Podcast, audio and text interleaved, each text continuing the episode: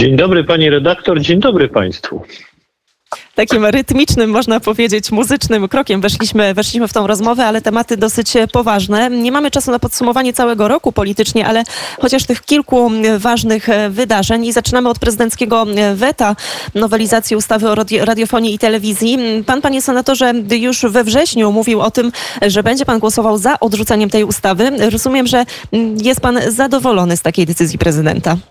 To znaczy uważam, że w tej sytuacji decyzja była racjonalna. Zresztą pan prezydent to zapowiadał i 15 sierpnia y, i w innych wypowiedziach dawał jasne sygnały, tak samo jego współpracownicy. Y, ja podobne argumenty używałem w debacie senackiej, co nie znaczy, że nie uważam, że należy doprecyzować artykułu 35 ustawy o radiofonii i telewizji dotyczącego y, struktury kapitałowej w przedsięwzięciach medialnych w zakresie mediów elektronicznych w Polsce.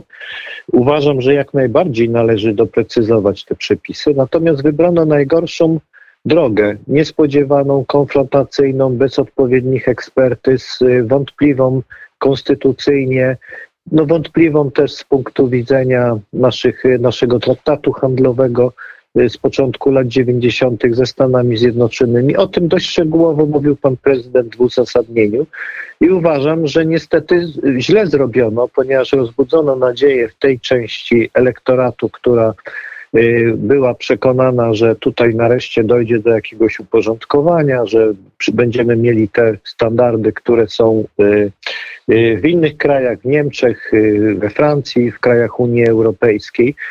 Natomiast wybrano taki sposób, który no, trochę skompromitował tę ideę, dał zły wizerunek Polski na arenie międzynarodowej, a finalnie ustawa trafiła do kosza de facto, no bo już nie będzie głosowana w Sejmie.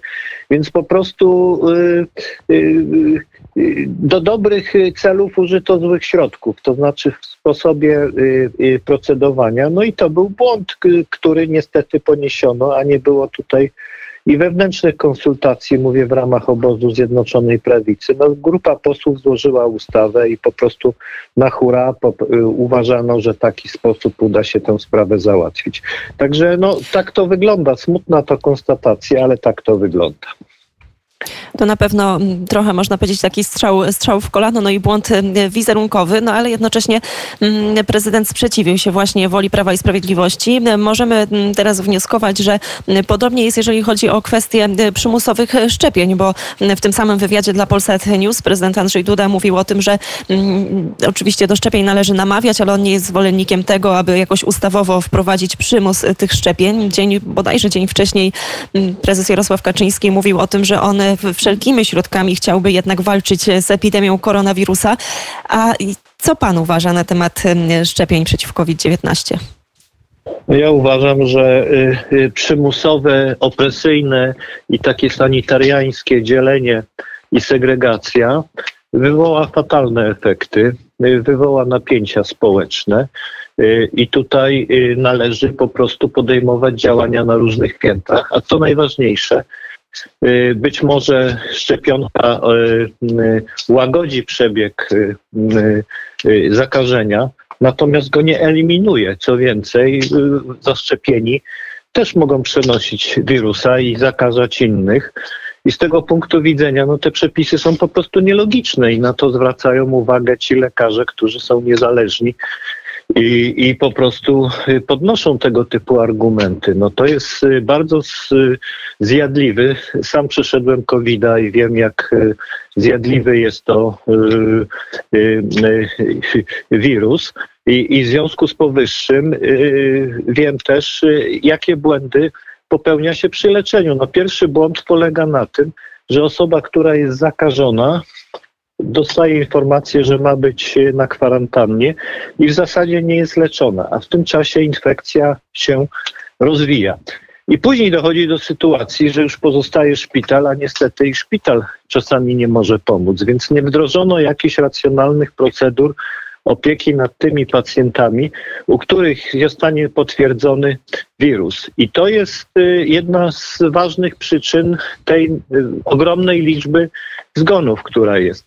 Y, do szczepień, owszem, y, być może należy zachęcać, Natomiast wprowadzanie tego w formie przymusu no, będzie wywoływało opór społeczny i będzie wywoływało napięcia społeczne, no a przede wszystkim jest sprzeczne z konstytucją. I dziwię się, że tak mało osób w tym wszystkim ten, ten element podnosi. I tutaj trzeba w sposób wielowymiarowy działać. I wydaje mi się, że jeżeli ktoś chce naprawdę skutecznie walczyć z rozprzestrzenianiem się koronawirusa, no to przede wszystkim należałoby testować. Zresztą niektóre korporacje amerykańskie w Polsce, na przykład bez, jak mają swoich klientów, to po prostu ich testują, tak? Bez względu na to, czy jest zaszczepiony, czy nie. No bo co daje ten paszport y, y, szczepionkowy? No potwierdza administracyjnie, że ktoś przebiegł, przeszedł jakiś cykl szczepienny. Ale to nie oznacza ani, że y, nie może, nie, nie może być w danym momencie zakażony, y, ani że nie przenosi wirusa. No więc to widać, że to jest po prostu nielogiczne. Dlatego tylko testowanie y, nieustanne, a z drugiej strony no, no, z taką metodą drastyczną, która też jest nie do przyjęcia. E, e, to byłby lockdown, tak? Dlatego, taki powiedziałbym totalny lockdown, ale to ze względów i gospodarczych, społecznych, kulturowych, politycznych jest nierealne. A więc e, rządy udają, że walczą z pandemią. Mhm. Rządy udają, że walczą z pandemią i te kraje, które są tak bardzo wyszczepione, na przykład y, mają 90%, y, Australia ma 90% wyszczepionej populacji, a tam szaleje ten wirus. No więc to mądrym ludziom daje wiele do myślenia. To już dosłownie ostatnia minuta sprawa inwigilowania polityków Pegasus. Komisja Śledcza do spraw inwigilacji. Czy, czy powinna powstać? Jest pan za, przeciw? Ja uważam, ta sprawa powinna być wyjaśniona, ponieważ ta sprawa no, jest papierkiem lakmusowym jakości demokracji w Polsce. Zarzuty, które sformułuje opozycja, są poważne, nie są bezpodstawne zupełnie, no ale nie mamy wiedzy y, y, na ten temat. Więc potrzebne to jest wyjaśnienie. Natomiast uchowanie się w formule, że wszystkie służby działają zgodnie z prawem, no to jest za mało wobec skali tego zjawiska.